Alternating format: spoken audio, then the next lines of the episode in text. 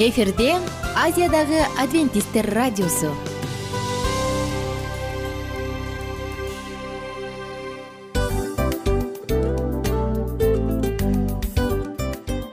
Достор салют. Баардык сүйүктүү угармандарыбызга салам айтабыз. Кутман күнүңүздөр менен. Ден соолук өмүрдүн булагы демекчи саламат саамы программасында баарыңыздарды көргөнүбүзгө абдан кубанычтабыз. Анда алгач амандашып өтөлү арбаңыздар деп. Ден соолугуңуздар кандай элибизде көбүнчө ден соолук кандай дегенде эле жакшы деп жооп беребиз э? ооруп турсак дагы жакшы дейбиз. Анан мен муну айтып ойлойт элем бул абдан сонун сөз депчи анткени бул жакшы деген үмүт да э ооба баары жакшы болот баары сонун. Деп үмүттөнүп атып эле өзүбүздү өзүбүз дарылап коебуз. Анысы кандай? Сиздин дагы ден соолугуңуз жакшы беш деген үмүттөбүз чындыгында ден соолук бул өмүрдүн булагы деп бекеринен айтылган эмес деп ойлойм. Кыргыз элинде анткени эгерде ден соолук жок болсо анда адамдын жашоосунда калган баардык керектүү маңыздуу нерселер өзүнүн баалуулугун жоготуп коет. Ошондуктан ден соолук бул эң керектүү нерсе. Ооба туура айтасың кесиптешим. Чынында ден соолугуң жок бир эки үч күн ооруп калсаң эле э кандай болуп калат? Жашоодо көз каранды болуп каласың көп нерсеге жетишпей каласың көп нерсени кыла албай каласың жада калса эшикке дүкөнгө да чыга албай каласың. Туптуура анан ден соолук болсо демек биз биздин бактыбыз тоотойт деп койсок болот. Анда достор саламат саамы рубрикабызды баштайлы алдыда өзүңүзгө керектүү болгон сонун кеңештерди уга аласыздар. Мына ошондуктан биз менен бирге болуңуздар. Ал эми биз болсо милан жана айнура. Кеттик алга. Алга саламат саама ден соолуктун жарчысы. Саламат саама ден соолуктун ачкычы. Күн сайын сиз үчүн мыкты кеңештер сонун жаңылыктар кызыктуу фактылар биздин рубрикада.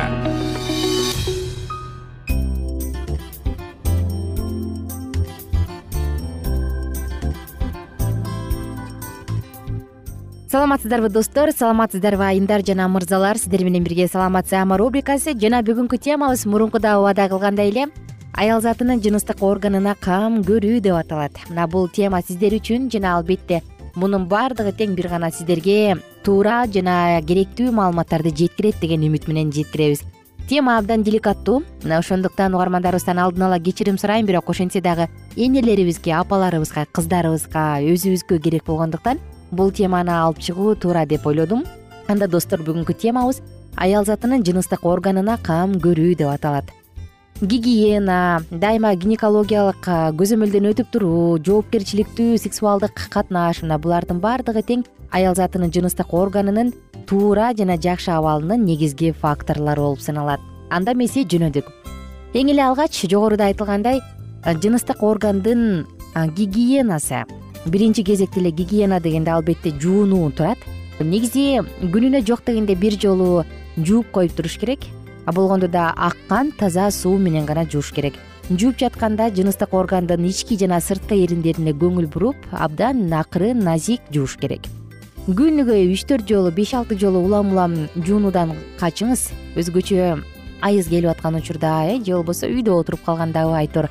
Анткени эмне себептен? Анткени күнүнө төрт беш жолу же үчтөн көп жолу жууна турган болсок анда жыныстык органдагы пайдалуу бактерияларды жана терини коргоочу заттардын баардыгын тең жууп салабыз. Ошондуктан күнүнө жок дегенде бир эки эле жолу жууп туруу сунушталат. Жуунуп жатканда алдыдан артты көздөй жууңуз. Анткени арттан алдыны көздөй жууганда арттагы тешиктеги ар кандай бактериялар бар эмеспи бул эсчериче коли же болбосо кандида түрүнүн грибоктору болобу мына ушул сыяктуу нерселер сырткы арткы тешиктен алдыңкы тешикке кирип кетиши мүмкүн. Ошондуктан жуунуп жатканда аккан суу менен алдыдан артты көздөй жууңуз экинчиси спринцовкаларды өтө көп колдонбоңуз анткени булардын баардыгы тең жыныстык органдын нормалдуу флорасын бузуп коет. Үчүнчүдөн менструалдык айыз учурунда суу менен күнүнө бир же эки гана жолу жуунуш керек. Бул учурда албетте айымдарга абдан ыңгайсыз абал болот шалтактап өзүбүздү жаман сезебиз жыттанат. Ошондуктан бул учурда кадимки эле атайын самын же болбосо атайын аялдардын жыныстык органына ылайыкташылган самын сыяктуу нерселер менен жасалган нымдуу салфеткалар бар эмеспи? Мына дал ушул салфеткаларды колдонсоңуз болот. Анан дагы эгер сиз тампон колдоно турган болсоңуз анда күнүнө жок дегенде үч жолу алмаштырып туруңуз. Гигиенага кире турган кийинки бул самын самынды өтө көп колдонбоңуз. Эгер самынды көп колдонсоңуз бул жумшак жана нейтралдуу же араң бир аз гана кычкылдуу болуш керек. Анткени самынды өтө көп колдоно турган болсок анда бул жыныстык органдын ичиндеги кычкылдуулукту өзгөртүп коет. Эгер сиз самындап гана жуунсаңыз анда эки үч күндө бир гана жолу самындап жуунуңуз. Же болбосо атайын аял затынын жыныстык органына даярдалган каражаттар менен жуунуңуз. Кийинкиси интимдик гигиенадагы башка каражаттар жөнүндө айталы кадимки самын шампунь мынабу дезодорант же болбосо ушул сыяктуу интимдик гигиена үчүн жасалган каражаттар бар эмеспи? Диафрагмалар болобу. Булардын баардыгын тең колдонгондон өтө эле качыңыз. Анткени булар дагы бир жолу кайталайын жыныстык органдын кычкылдуулук чөйрөсүн өзгөртүп коет. Тампон. Тампон жөнүндө эмне айта алабыз? Тампондо регулярдуу дайыма колдонууга болбойт. Анткени ал жыныстык органдын ичин кургатып жиберет. Ошондуктан тампон эгерде айладан айла жок колдоно турган болсоңуз алты сегиз сааттын ичинде улам алмаштырыңыз түнү менен калтырбаңыз. Андан кийин дал ошол тампон стриптокок стафилокок жана башка бактериялардын көбөйүшүнө алып келет. Ич кийим жөнүндө айта турган болсок жөнөкөй баягы хлопок же простой деп коет эмеспизби. Дал ушул простой э, чүпүрөктөн тигилген ич кийимдерди кийиңиз. Анткени ал жыныстык органды кургак бойдон сактайт жана дем алдырат. Ал жакта циркуляция дагы пайда болот ошондуктан бул нерсени эске алыңыз. Кийинкиси баш аламан ар ким менен жыныстык катнашта болбоңуз. Жыйырма бир жашка чейин жыныстык катнашта болуунун кереги жок. Эгер адам он жетиден жыйырма бир жашка чейин жыныстык катнашта боло турган болсо анда анын рак оорусуна чалдыгуу коркунучу бир бүтүн ондон сегиз эсеге көбөйөт. Эгерде он алты жаш же он алтыдан өйдө карай катнашта боло турган болсо эки бүтүн жүздөн отуз бир эсеге анда э, рак оорусуна чалдыгуу коркунучу өсөт. Бул нерсени каталон университети бул онкологиялык каталон университети изилдеп чыккан. Жана ошондой эле ушул эле изилдөөнү вашингтондун университети вашингтондогу чоң бир университет дагы изилдеп анан ооба бул туура чыгарылыш туура чечим деп айткан. Ошондуктан достор колдон келишинче эрте сексуалдык катнашка туруунун кереги жок өзгөчө өспүрүм кезде. Анткени бул алардын дал ушул жыныстык органына чоң коркунучтар алып келет. Анан убак убактысы менен мазок тапшырып гинекологиялык көзөмөлдөн өтүп коюп туруңуз. Мазокту эмнеге тапшырат? Бул дагы адамдын ушул маткасында рак пайда болгонбу пайда болгон эмеспи? Кандай көйгөй бар? Грибоктор ар кандай инфекциялык оорулар барбы жокпу? Мына булардын баардыгын тең сөзсүз түрдө өтүп туруңуз ким өтүш керек? Жыйырма бир жаштан өткөн ар бир аял. Бир жыл сексуалдык контактта болгондон кийин жыйырма бир жаштан өткөн болсоңуз анда жыл сайын керектүү учурда жылына эки жолу мазок тапшырып гинекологиялык көзөмөлдөн өтүп коюп туруңуз. Эгерде жөн эле жөндөн жөн кезде эле кан ага берсе канча жашта болбоңуз? Баардык учурда.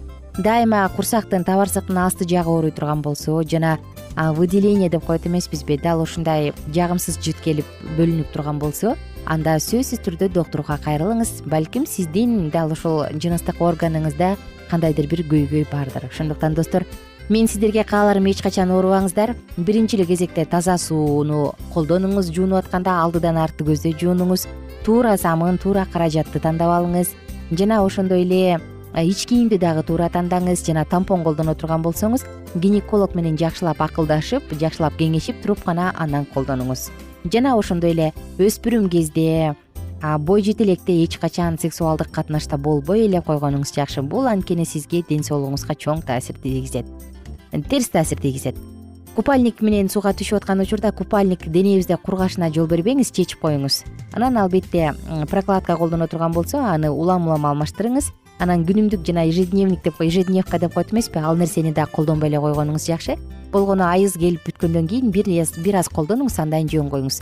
Анткени жыныстык орган дагы эс алышы керек. Достор сиздер менен коштошом кайрадан амандашканча күнүңүздөр көңүлдүү улансын. Кененирээк маалыматтар үчүн үч w чекит саламат чекит клуб сайтына келип таанышыңыздар. Жана андан тышкары социалдык тармактарда youtube facebook жана instagram баракчаларына катталыңыз саламат саама ден соолуктун жарчысы. Саламат саама ден соолуктун ачкычы. Күн сайын сиз үчүн мыкты кеңештер сонун жаңылыктар кызыктуу фактылар биздин рубрикада.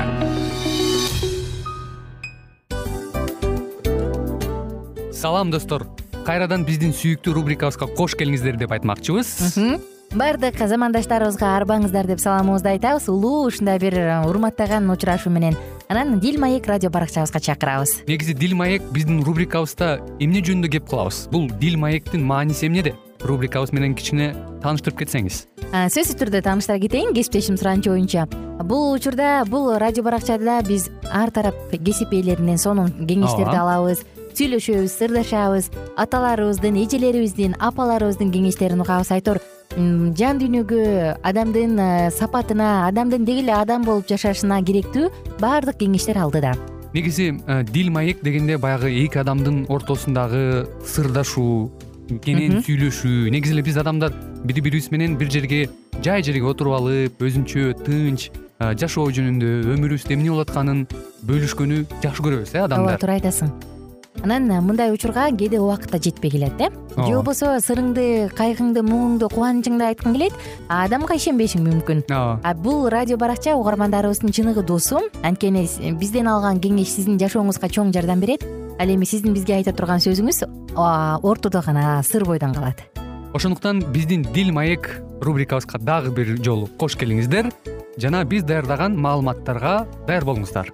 Айнура жана милан сиздер менен бирге алдыга кеттик ар түрдүү ардактуу кесип ээлеринен. Алтын сөздөр жүрөк ачышкан сыр чачышкан сонун маек. Дил маек рубрикасында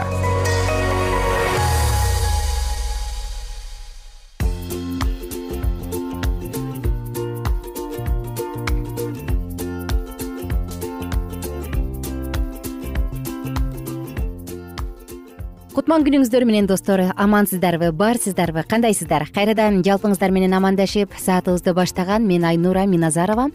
Жана бул экинчи рубрикабыз дагы дил маек деп аталган рубрикабыз дагы албетте маектешүүгө болгондо дагы чын жүрөктөн маектешүүгө сүйлөшүүгө баарлашууга арналган рубрика. Бул рубрикада биз сиздер менен психологдордун кеңештери окумуштуулардын ойлору айтор сонун кеңештер маалыматтар менен бөлүшүүгө даярбыз жана бөлүшүп келебиз. Достор эсиңизде болсо биз мурунку окторубуздан бери бактылуу үй бүлө деп аталган китепти окуй баштаганбыз. Дал ушул китептин тегерегинде ой жүгүртө баштаганбыз. Анан эсиңизде болсо биз айтканбыз э адам үй бүлөсүндө бир гана камчы эмес бир гана шапалак эмес адамдын үй бүлөсүндө сүйүү мээримдүүлүк жумшактык боло турган болсо назиктик боло турган болсо анда ошол жакта дагы келечекте мамлекетти жакшы жакка өзгөртө алган балдар тарбияланат деп биз болсо саатыбызды улантабыз эгерде сиз дагы жашооңузда бактылуу үй бүлө курууну кааласаңыз самасаңыз анда биз менен бирге болуңуздар.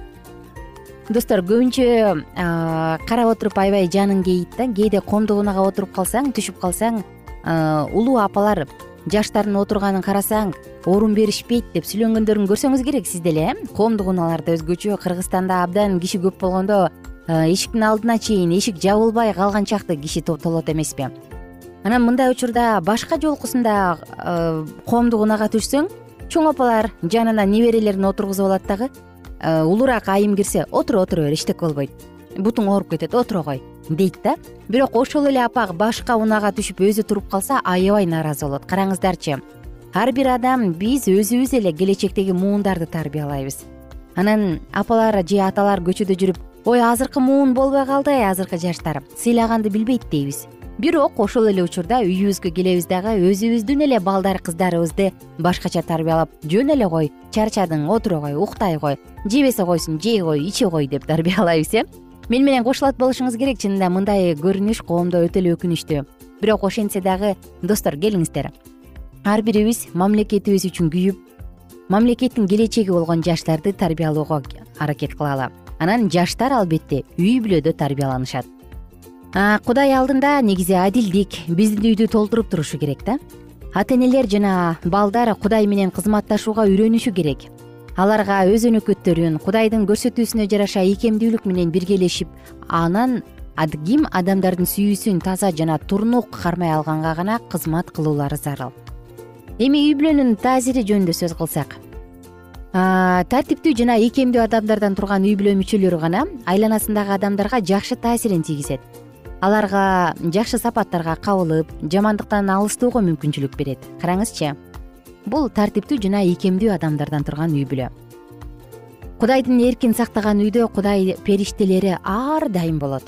Бул жерде биздин жашообуз өтө кыска. Бизге бул дүйнөдө бир гана өмүрлүк жол басып өтүү берилген. Бир эле жолу жашайбыз ошондуктан мүмкүн болушунча баардык чараны колдонгонубуз жакшы биз чакырылган иш байлыкты жана бийликти же өзгөчө өнөрдү талап кылбайт. Ал болгону эле жакшылыкка алуу өзүн жаратпай коюу рухун жана бекем максатты талап кылат. Эгерде биз өз жүрөгүбүздүн жана үйүбүздүн эшиктерин кудайга ачып берсек анда биз жандандыруучу күч ачып туруучу канал боло алабыз. Кайраңызчы адам жандандыруучу же кайра жандандыруучу же реанимация деп коет эмеспизби? Ушул бөлүмгө качан түшөт ооруп калганда аябай абалы оорлошкондо түшөт. Эгер ошол жактан кайра аман эсен жакшынакай болуп экинчи өмүрлүү болуп чыкса биз кубанабыз э? Биз дагы адамдар үчүн ушундай болуп калсак кандай жакшы? Биздин эч кимибиз бул дүйнөдө жашап жатып башкаларга кичине болсо да өз залакасын тийгизбей кое албайт. Үй бүлө мүчөлөрүнүн бири да жакындары анын көз карашын жана рухун сезбей кала тургандай болуп катып кала албайт.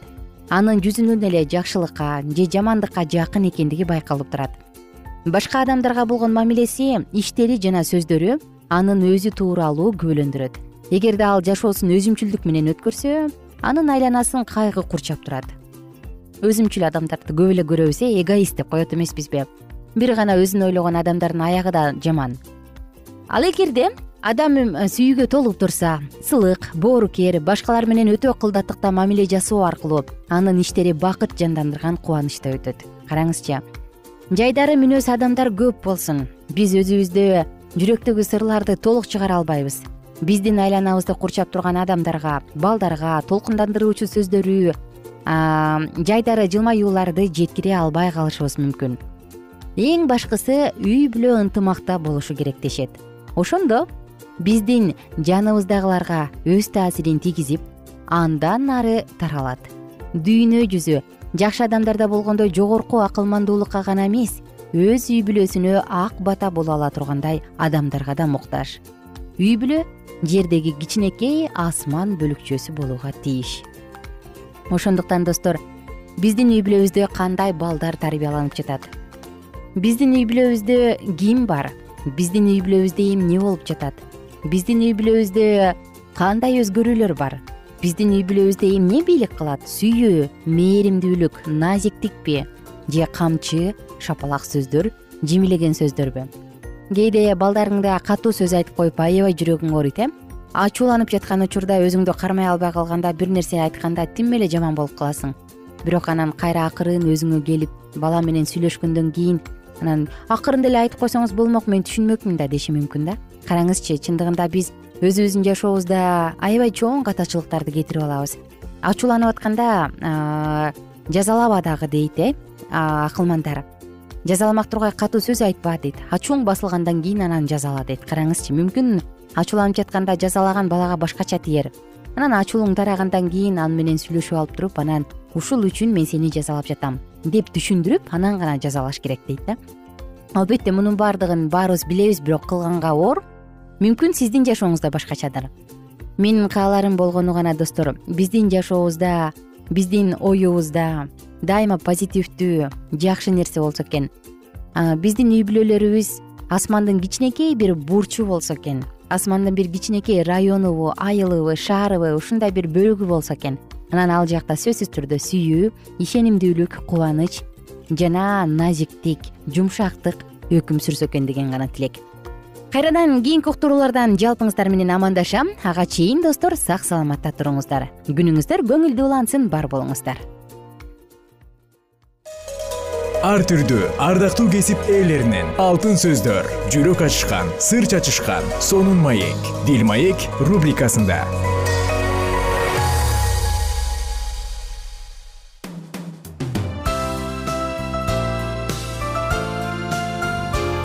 Эфирде азиядагы адвентисттер радиосу.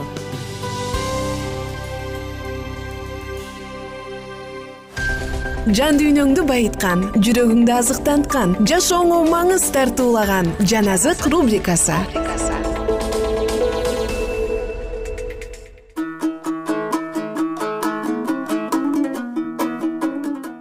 достор жалпыңыздарга ийгиликтүү күн каалап биз жан азык уктуруусун баштадык жана бүгүн сиздер менен марк жазган жакшы кабар китебин улантабыз. Биз менен бирге болуңуздар. Алдыдагы мүнөттөр сиз үчүн сонун жагымдуу мүнөттөр болот.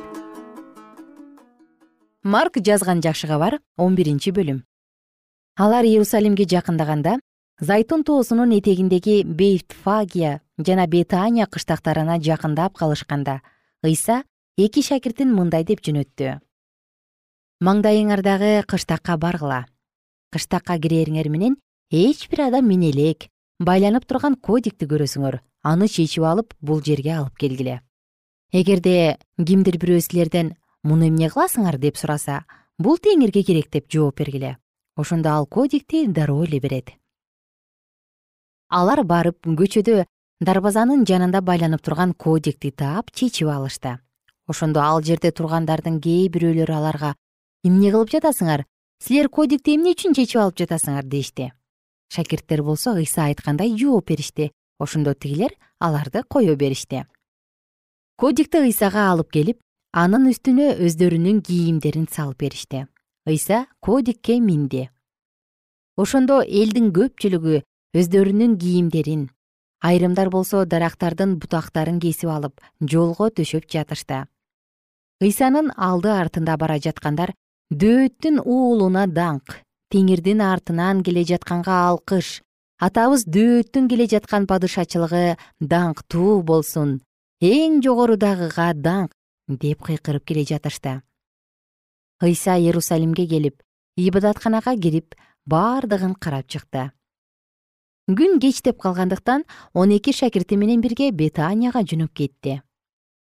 Эртеси күнү алар бетаниядан чыгышканда ыйса ачка болду ал алыстан жалбырактуу анжыр дарагын көрүп бир нерсе табылаар бекен деп жакын басып барды. Бирок анжыр дарагынын жанына келип жалбырактан башка эч нерсе таба алган жок. Анткени анжыр жыйнай турган убакыт келе элек эле ошондо ыйса анжыр дарагына мындан ары түбөлүккө сенден эч ким мөмө жебесин деди муну шакирттери угушту. Анан иерусалимге келишти. Ыйса ибадатканага кирип ал жердеги сатуучулар менен сатып алуучуларды кууп чыгара баштады акча алмаштыруучулар менен көгүчкөн саткандардын үстөлүн көңтөрүп салды. Ибадатканада ибадаткана аркылуу бир нерсе алып өтүүгө эч кимге уруксат берген жок. Анан айылге мындай деди. Ыйык жазууда менин үйүм бүт элдердин сыйынуу үйү деп аталат деп жазылган эмес беле? Силер болсо аны каракчылардын уюгуна айландырдыңар. Муну уккан мыйзам окутуучулар менен башкы ыйык кызмат кылуучулар аны өлтүрүүнүн жолун издей башташты. Алар андан коркушчу анткени бүт эл анын окутуусуна таң калар эле. Кеч киргенде ал шаардан чыгып кетти. Эртең менен алар баягы анжыр дарагынын жанынан өтүп бара жатышып дарактын тамырына чейин куурап калганын көрүштү. Ошондо петир эстей калып ыйсага устат карачы сен каргаган анжыр жыгачы куурап калыптыр деди. Ыйса аларга мындай деп жооп берди кудайга ишенгиле. Силерге чындыкты айтып коеюн ким бул тоого?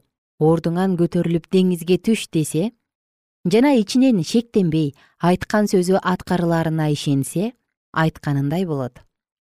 Ошондуктан силерге айтып коеюн кудайдан эмнени сурасаңар да аларыңарга ишенгиле ошондо силерге берилет. Кимдир бирөөгө каршы бир нерсеңер бар болсо сыйынып жатканыңарда аны кечирип койгула ошондо асмандагы атаңар да силердин күнөөлөрүңөрдү кечирип коет. Эгерде кечирбесеңер анда асмандагы атаңар да силердин күнөөлөрүңөрдү кечирбейт.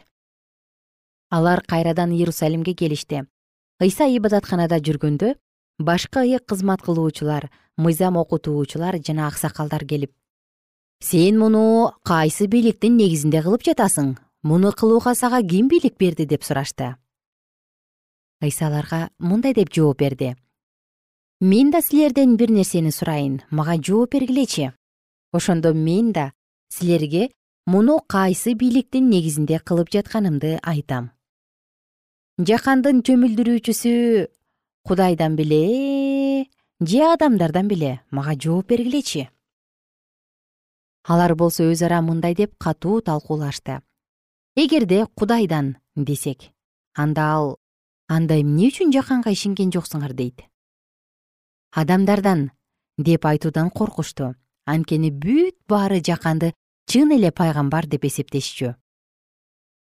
Алар ыйсага билбейбиз деп жооп беришти. Ошондо ыйса аларга муну кайсы бийликтин негизинде кылып жатканымды мен да силерге айтпайм деди. Марк жазган жакшы кабар он экинчи бөлүм ыйса аларга үлгү насаат аңгемелер менен сүйлөй баштады. Бир адам жүзүм багына отургузат. Анын тегерегине тосмо куруп жүзүм сыгылуучу жай жасап күзөт мунарасын салат да аны жүзүмчүлөргө тапшырып өз убактылуу бир жака кетет. Жүзүм багынын жемишинен алыш үчүн өз убагы келгенде жүзүмчүлөргө өзүнүн кулун жөнөтөт. Алар болсо кулду кармап алып сабашат дагы куру кол кетирип жиберишет. Ошондо ал башка кулун жиберет жүзүмчүлөр анын башын таш менен жарып кордоп кетирип жиберишет. Ошондо ал дагы бир кулун жөнөтөт. Жүзүмчүлөр аны өлтүрүп салышат. Ал дагы көптөгөн кулдарын жөнөтөт. Жүзүмчүлөр алардын кээ бирин сабап кээ бирин өлтүрүп салышат. Акыры жүзүмдүк ээси уулумдан уялышар деп жүзүмчүлөргө өзүнүн сүйүктүү уулун жөнөтөт. Бирок жүзүмчүлөр бири бирине бул мурасчы жүргүлө аны өлтүрүп салабыз ошондо мурас биздики болот дешет да. Аны кармап алып өлтүрүп жүзүм багынын сыртына ыргытып жиберишет. Эми жүзүмдүк ээси эмне кылат? Ал келет да жүзүмчүлөрдү өлтүрүп жүзүмдүктү башкаларга тапшырат. Силер кудайдын китебиндеги куруучулар жаратпай койгон таш бурчтун негизи болуп калды бул теңирден бул биздин көзүбүзгө укмуштуу көрүнөт деген сөздөрдү окуган жок белеңер ошондо алар ыйсаны кармоого аракет кылышты. Анткени алар бул үлгү насаат аңгемеде өздөрү жөнүндө айтылганын түшүнүшкөн эле. Бирок элден коркушкандыктан ал жерден кетип калышты.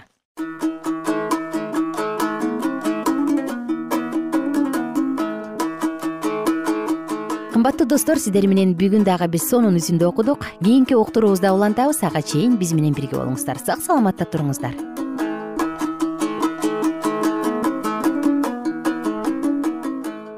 эгер сиздерде суроолор болсо же көбүрөөк маалымат билем десеңиз анда биздин whatsapp номерибизге жазыңыз.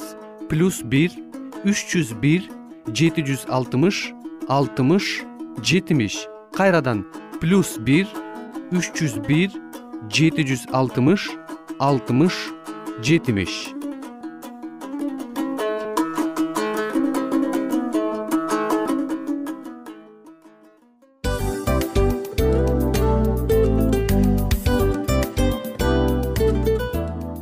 ушинтип убакыт дагы тез өтүп кетет экен. Биз дагы радио уктуруубуздун аягына келип жеттик. Келип кубандырдыңар эми кетип кубандыргыла деп тамашалап калышат эмеспи анысы кандай?